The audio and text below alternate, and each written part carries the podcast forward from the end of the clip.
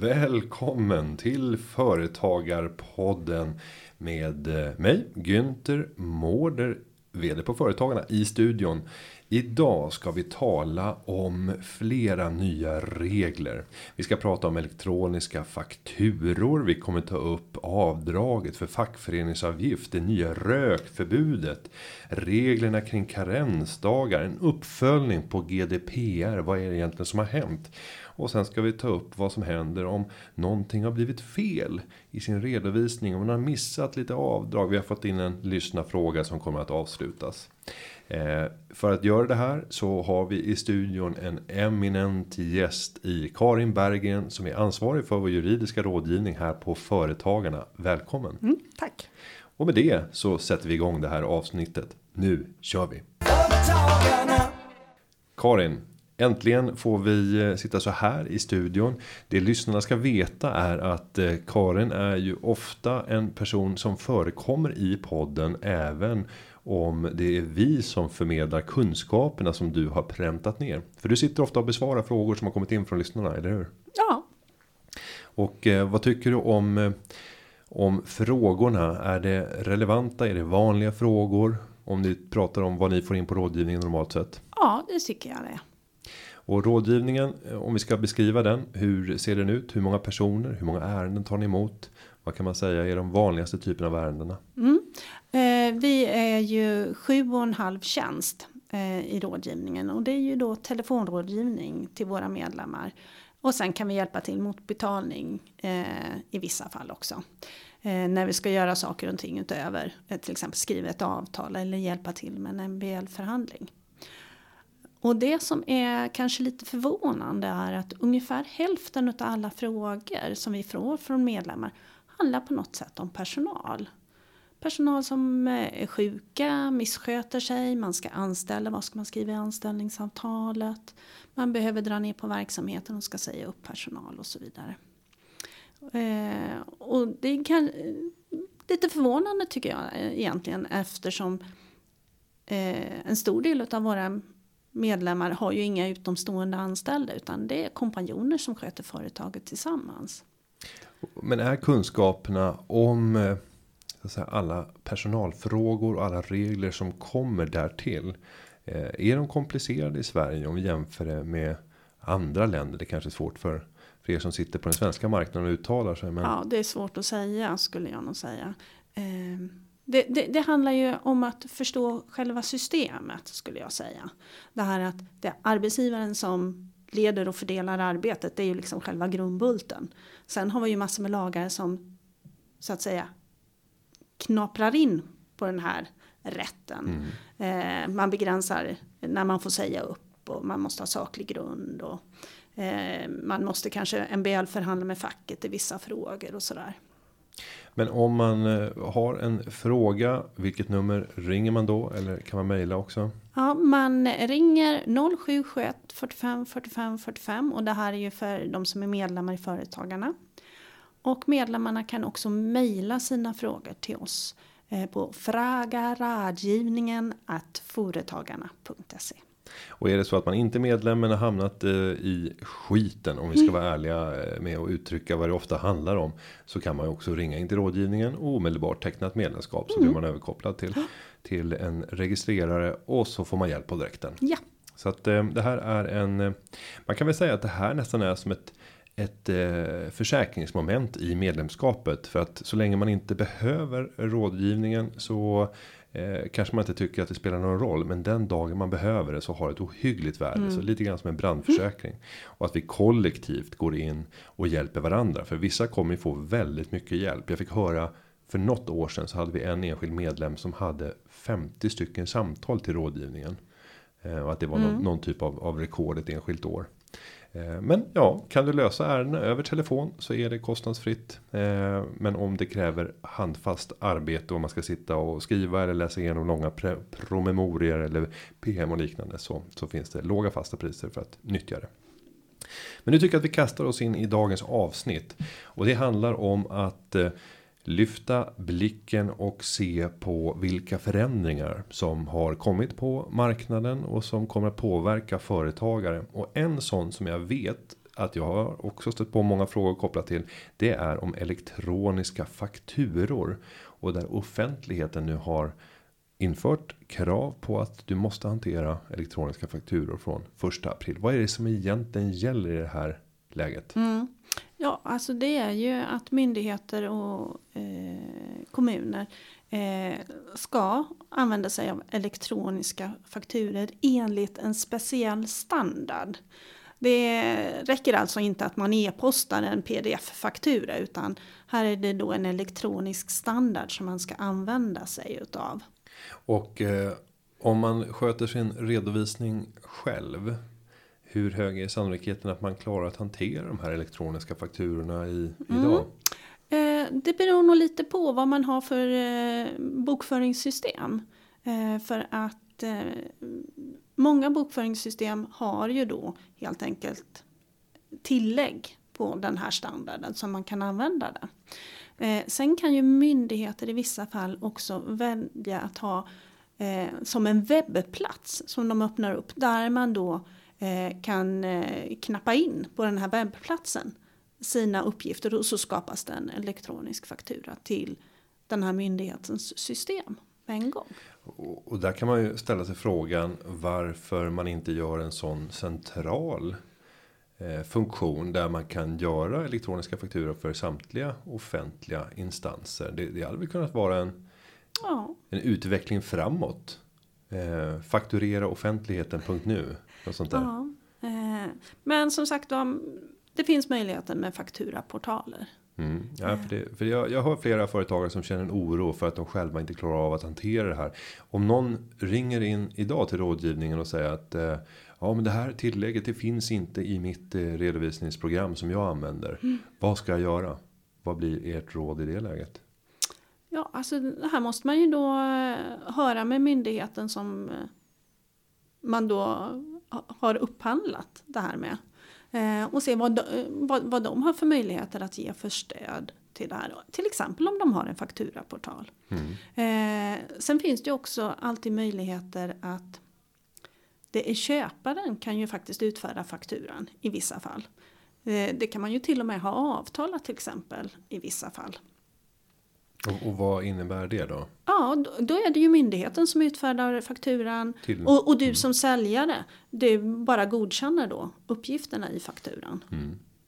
Sen tänker jag mig att eh, en enkel lösning borde väl också kunna vara att gå till en, en redovisningskonsult och eh, mm. köpa in den här hjälpen. Och det borde Som redan har de här licenserna. Ja, ja jag mm. tänker att det går väl för även om du vill fortsätta sköta, sköta den löpande bokföringen så skulle du ju kunna köpa den här tjänsten isolerat.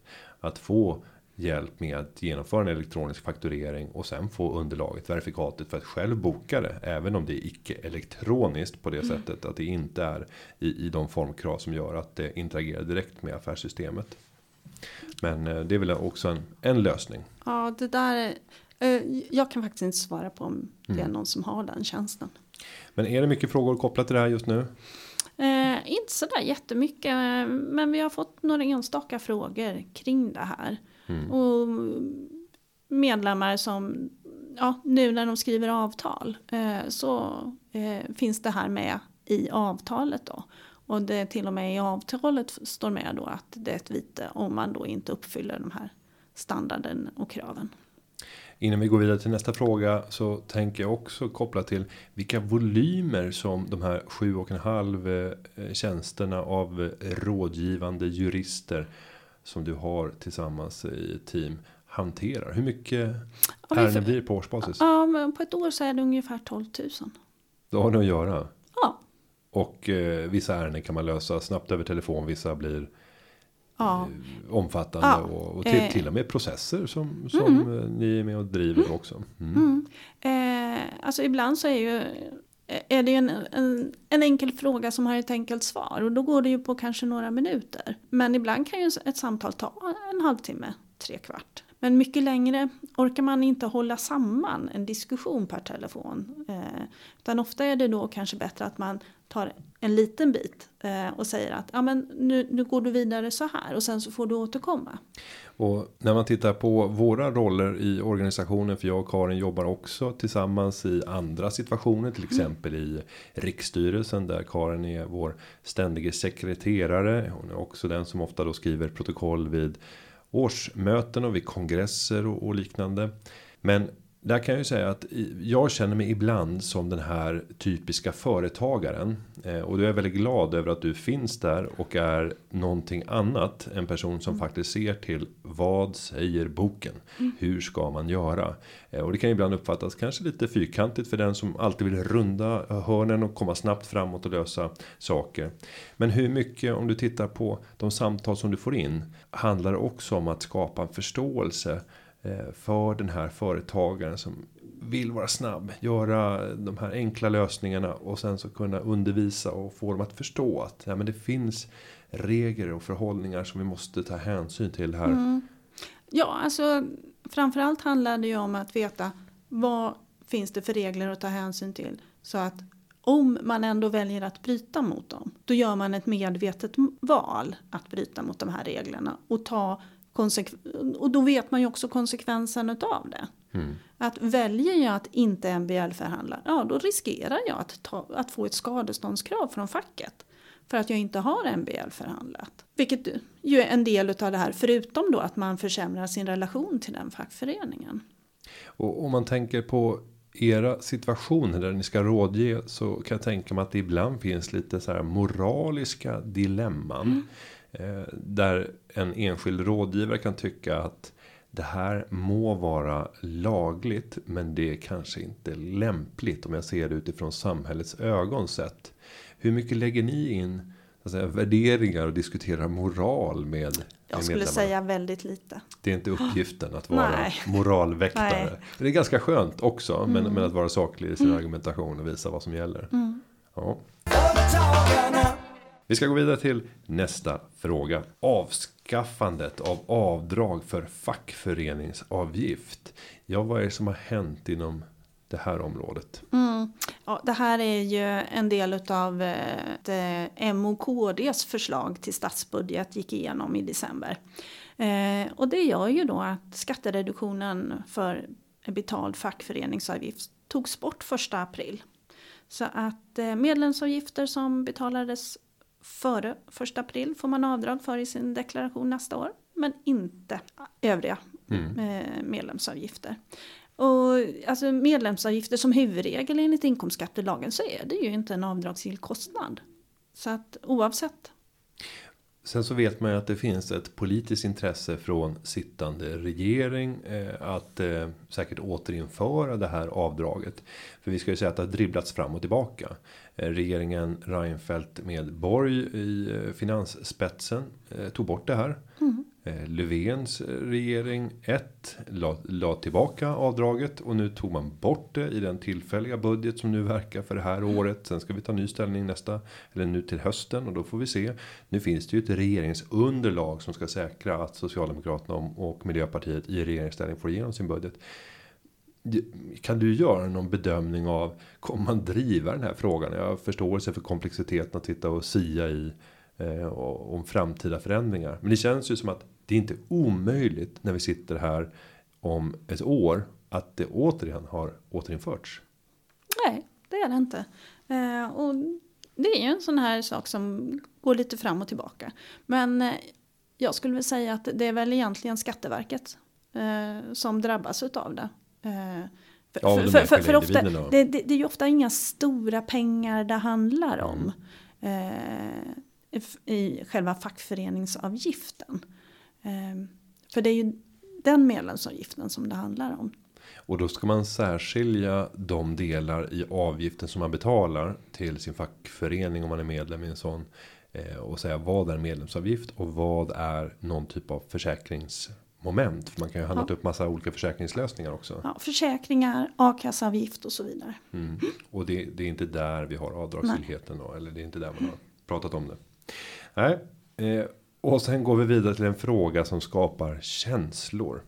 Eh, och det är det utökade rökförbudet. Ja, vad är det egentligen som kommer att hända med det här utökade rökförbudet? Vad är skillnaden jämfört med idag? Ja, eh, idag så är det ju framförallt eh, lokaler när man inte får eh, röka. Men nu kommer det ju även gälla uteserveringar och entréer in till rökfria lokaler. Så att eh, här får man ju då egentligen ta bort askkopparna som är precis utanför dörren. Räcker, räcker det som eh, ah, insats? E egentligen så ska det ju man ju då, om man har möjlighet liksom, till lite uppsikt, att avvisa. Eh, på uteserveringar, där ska det ju till exempel finnas skyltat också att det råder rökförbud. Och där ska man ju som verksamhetsutövare också egentligen då eh, påpeka för folk som eh, bryter mot rökförbudet och ber dem sluta. Och så tänker vi att vi är lite anarkistiska här eh, som eh, som kunder och säger så här, det där det struntar jag högaktningsfullt i. Jag sätter mig här på gränsen mot staketet i mm. uteserveringen. Mm. Det kommer inte störa någon. Och så tänder jag min cigg. Vad eh, riskerar jag som kund i det här läget och rökare och ja. vad riskerar företagaren? Jag skulle nog säga att rökaren riskerar ju ingenting egentligen. Mm. Eh, därför att eh, mer än att eh, obehaget att någon kommer att komma fram och, och be dem flytta på sig. Eh, att avvisa helt enkelt ifrån platsen. Medan eh, det, det, är ju verksamhetsutövaren som eventuellt då kan drabbas om man inte upprätthåller det här förbudet. Och vad kan det handla om eh, för repressalier i det här fallet? Jag skulle det, det, finns ju inga tydliga repressalier egentligen i lagstiftningen. Däremot så är det ju så att där kan det ju få konsekvenser kanske för ett serveringstillstånd eller annat om man inte eh, försöker upprätthålla det här. Men sen har jag fått höra av, av vissa kritiker att eh, man är rädd för att kunna få vite om mm. Eh, det här bryts. Eh, om man bryter mot, mot rökförbudet. Och att man som företagare och näringsidkare själv har svårt att kunna styra det här. Utan man måste då plötsligt agera rökpolis. För, för att skydda mm. sin egen eh, ekonomi. Men sen eh, får man väl inte måla fan allt för mycket på väggen heller här. För att eh, om vi tänker när det infördes rökförbud på restauranger.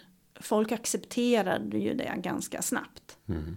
Eh, och det kanske kommer att vara samma sak när det gäller uteserveringar. Alltså vi människor är ju normalt sett sociala varelser som vill liksom följa det som gäller. Och jag fick höra från en av våra branschförbundsföreträdare. Vi har ju eh, nästan 30 stycken branschförbund som är anslutna till företagen och där vi hjälper de här branschförbunden att driva politik gemensamt med oss. Eh, och då var det särskilt branschförbundet butikerna som även samlar eh, convenience stores. Och då har vi alltifrån till exempel en, en Pressbyrå eller 7-Eleven om den är, är privatägd, en franchisetagare. Och där sa de ju att ja, men vi säljer ju cigaretter, absolut. Och eh, det är ju ingen som skulle komma på tanken att röka in i våra lokaler. Det händer aldrig och det kommer inte ske eh, före eller efter mm. det här beslutet. Men däremot så kommer ju det här entréförbudet nu. Att det får inte problem. rökas mm. i entrén. Mm. Och det är ju däremot väldigt vanligt.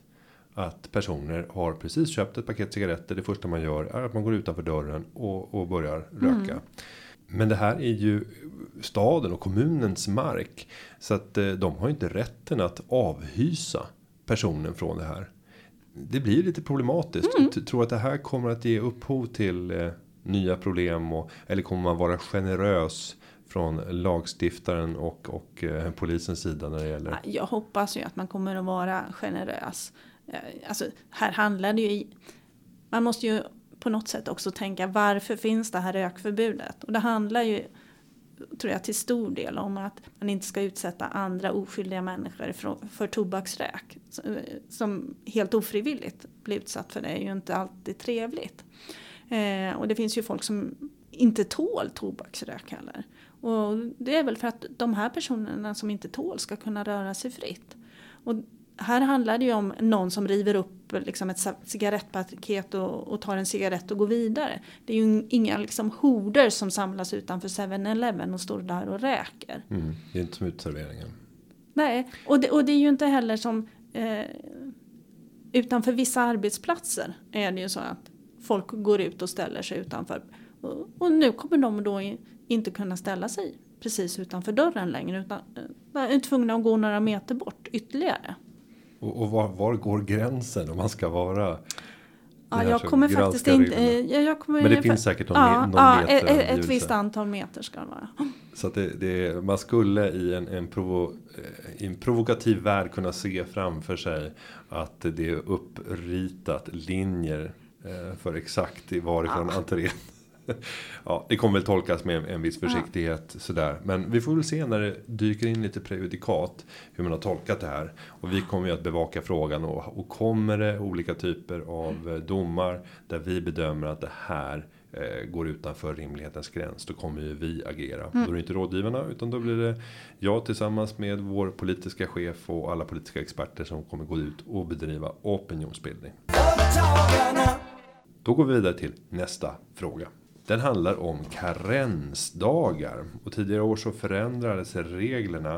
Eh, men vad har det här för påverkan på företagare? Vad kan vi beskriva om, om förändringen för karensdagar? Eh, ja, alltså det var ju från årsskiftet som man ändrade om eh, från karensdagar till ett karensavdrag. Eh, och det är ju väldigt krångligt att räkna ut det där karensavdraget. Eh, för karensavdraget är då 20% utav sjuklönen för en arbetsvecka. Ja. Istället för att man drar en dag. Alltså, de som kan matte räknar ju lite snabbt ut att för de allra flesta så är det en dagslön, eh, alltså eh, mm. sjuklönen motsvarande för en dag som försvinner. Men det här, den här konstruktionen innebär ju att om man går på eftermiddagen och får ett löneavdrag, ja då börjar ju det här karensavdraget då att ticka. Och sen fortsätter den nästa dag om man fortfarande är sjuk dagen därpå.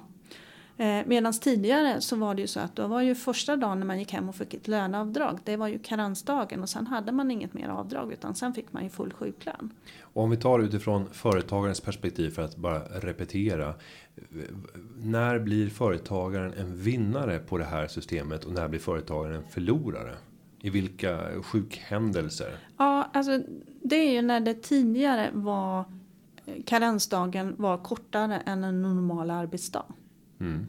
Eh. När man gick under en arbe mm. befintlig arbetsdag. Mm. Och det var ju.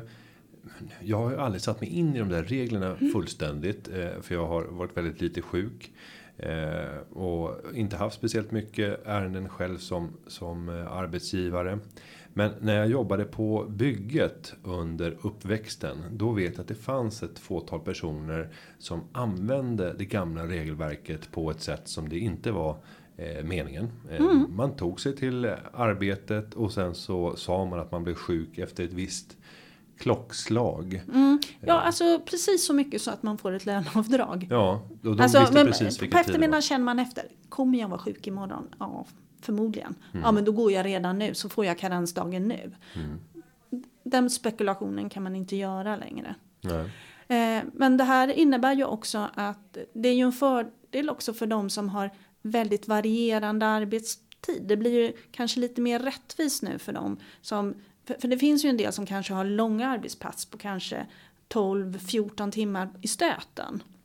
Eh, och för dem då hade de då en sån dag, arbetsdag som karensdag, mm. ja men då hade de ju fullt löneavdrag, ingen sjuklön.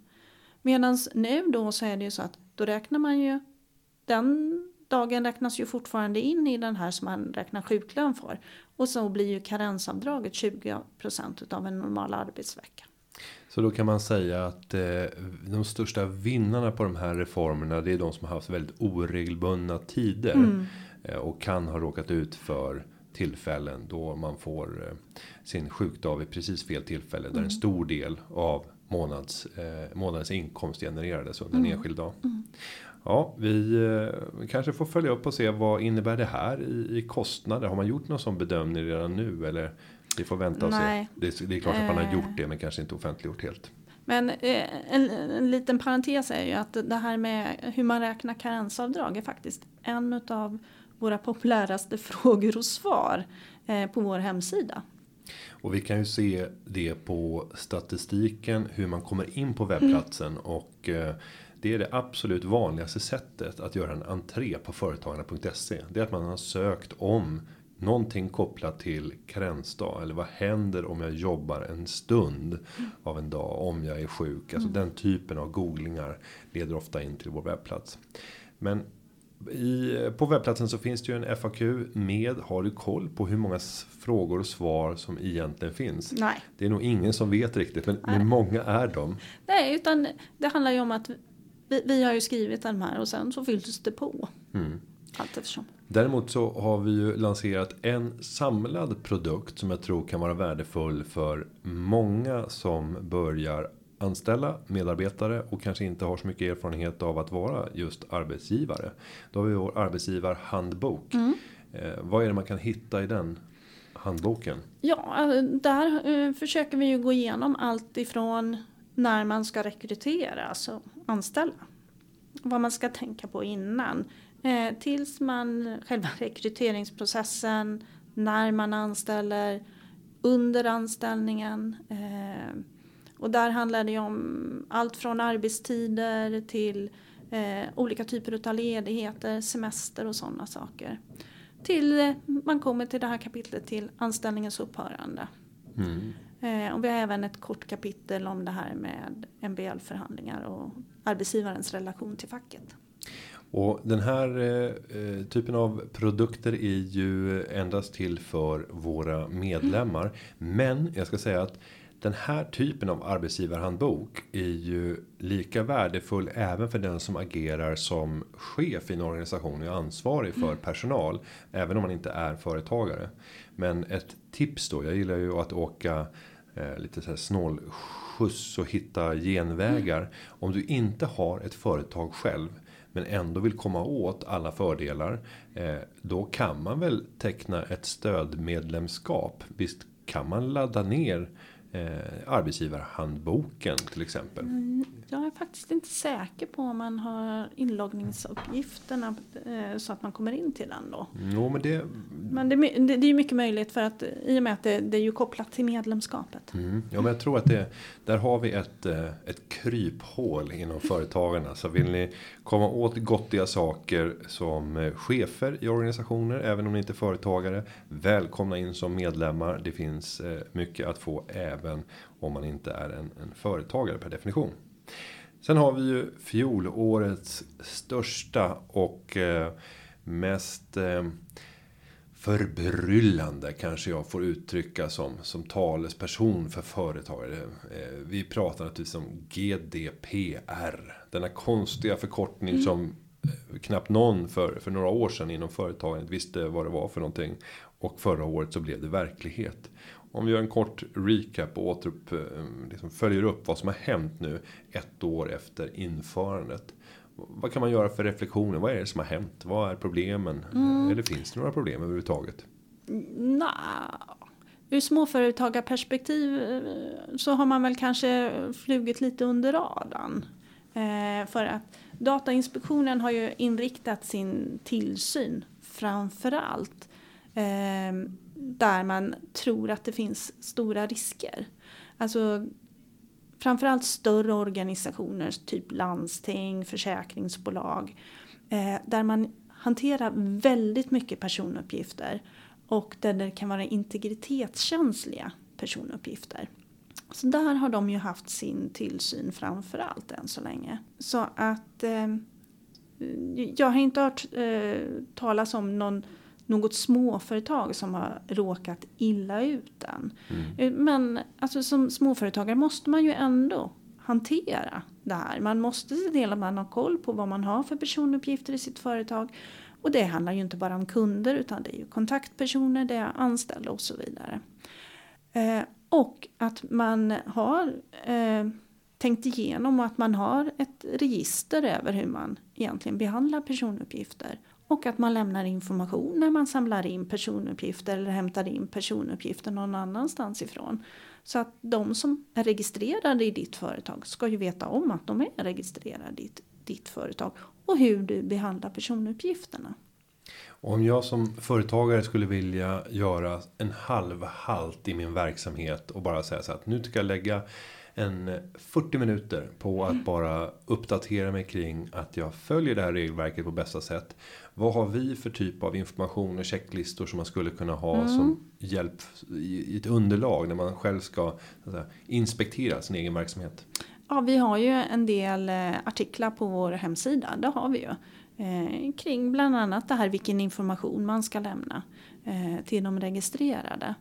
Eh, för det tycker jag är väldigt bra att gå igenom de punkterna. För, för att då måste man ju tänka igenom vad gör vi egentligen på vårt företag? Mm. Ja, men gör en inventering för att se hur efterlevnaden ser ut. Avslutningsvis så ska vi ta en inkommen lyssnarfråga.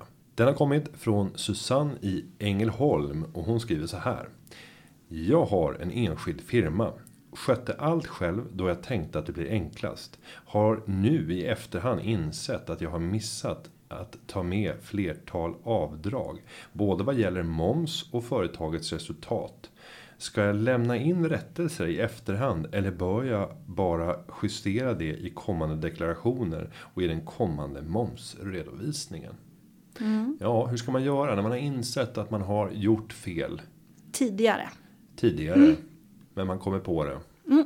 Och då ska man ju skicka in till Skatteverket en begäran om rättelse. Och det gör man ju då för den perioden där man har gjort fel. Och när det gäller momsen, eh, ja, som liten företagare så kan man ju välja mellan att redovisa momsen månadsvis, kvartalsvis eller i vissa fall till och med årsvis. Eh, så att eh, det gäller ju då att göra se vilken period är det jag ska gå in och begära rättelse för då. Om vi börjar med momsredovisningen så baseras ju den på ja, men hur mycket har vi sålt för inom olika mm. momsklasser vanligtvis 25% Men eh, är det inte okej okay att bara tänka att äh, jag struntar i att korrigera det här. Jag redovisar på kvartalsbasis. Jag eh, får redovisa det jag inte hade redovisat eller ta bort det som jag hade redovisat för mycket. För det kan ju vara så också mm. i, i, nästa momsdeklaration. Är det, är det ett okej förfarande? Nej, eller? egentligen inte. Utan då ska man gå tillbaka med en ja, rättelse. Till rätt period ja. Och, och, kan man då skriva ut en motsvarande blankett för den perioden och bara fylla i en ny. Och sen så är det under övriga upplysningar som man skriver att det här är en rättelse. Eller hur ska själva rättelsen ja, gå till? Ja, alltså jag skulle nog skriva som ett följebrev istället i så fall. Eh, där man förklarar vad det är eh, man har gjort. Och, eh, det kan ju vara bra även då att man skickar kanske kopi, med kopior mm. på det. Så, man, så, så, att man visar vad det är för någonting man har gjort. eller vill ha, ha ändrat. Och eh, det mesta av det här sköts ju elektroniskt idag. Mm. Eh, men då får man skriva i under upplysningar. För, eller mm. man kan ju ladda upp följebrev också mm. och underlag och liknande. Mm. Eh, men viktigt att tänka på är väl att det ska vara hänförligt till rätt period. Att mm. du inte korrigerar i efterhand. Annat än, det finns väl vissa ärenden om vi tar ett eh, redan publicerat bokslut. Vad händer då om du eh, vi har fattat beslut om vi har ett aktiebolag. Vi har en årsstämma som har fattat beslut om att fastställa resultat och mm. balansräkning. och Årsredovisningar har sen skickats in till Bolagsverket och sen upptäcker vi att oj, det här blev ju tokigt. Eh, här finns det saker som jag har redovisat för mycket eller för lite mm. av. Vad ska jag göra i ett sånt läge då? Ja, alltså då får man ju eh, skicka in en begäran om omprövning. Eh, en så kallad självrättelse till Skatteverket. Mm. Eh, om, eh, om man upptäcker det här efter att man har lämnat in sitt bolags inkomstdeklaration. Då. Sen ett, eh, ett magiskt tips som jag önskar att jag hade fått när jag var 18 år och startade mitt första bolag. Eh, det var att om du inte kan lösa någonting. Om du till exempel sitter med din momsdeklaration. Jag redovisade på årsbasis då. Eh, och ibland så eh, upptäckte jag det där alldeles för sent. Och det är kring den 10 februari mm. ungefär. Om man redovisar årsvis som det ska skickas in. Och så fick jag panik. Och så behövde jag hjälp av någon. Och så tänkte jag att ja, men, jag kommer få hjälp och det handlar bara om den 12 eller 13 februari. Och då är det bättre att jag inkommer med en korrekt momsredovisning även om den blir tre dagar sen. Än att jag skickar in en helt felaktig momsredovisning i rätt datum. Så tänkte ju jag. Mm. För så skulle jag ju vilja ha det som chef. Jag vill ju inte att en anställd ska komma med ett underlag som är helt undermåligt och som de vet är felaktigt. Bara för att leverera på en deadline. Det är bättre att jag får ett korrekt underlag även om det blir tre dagar sent.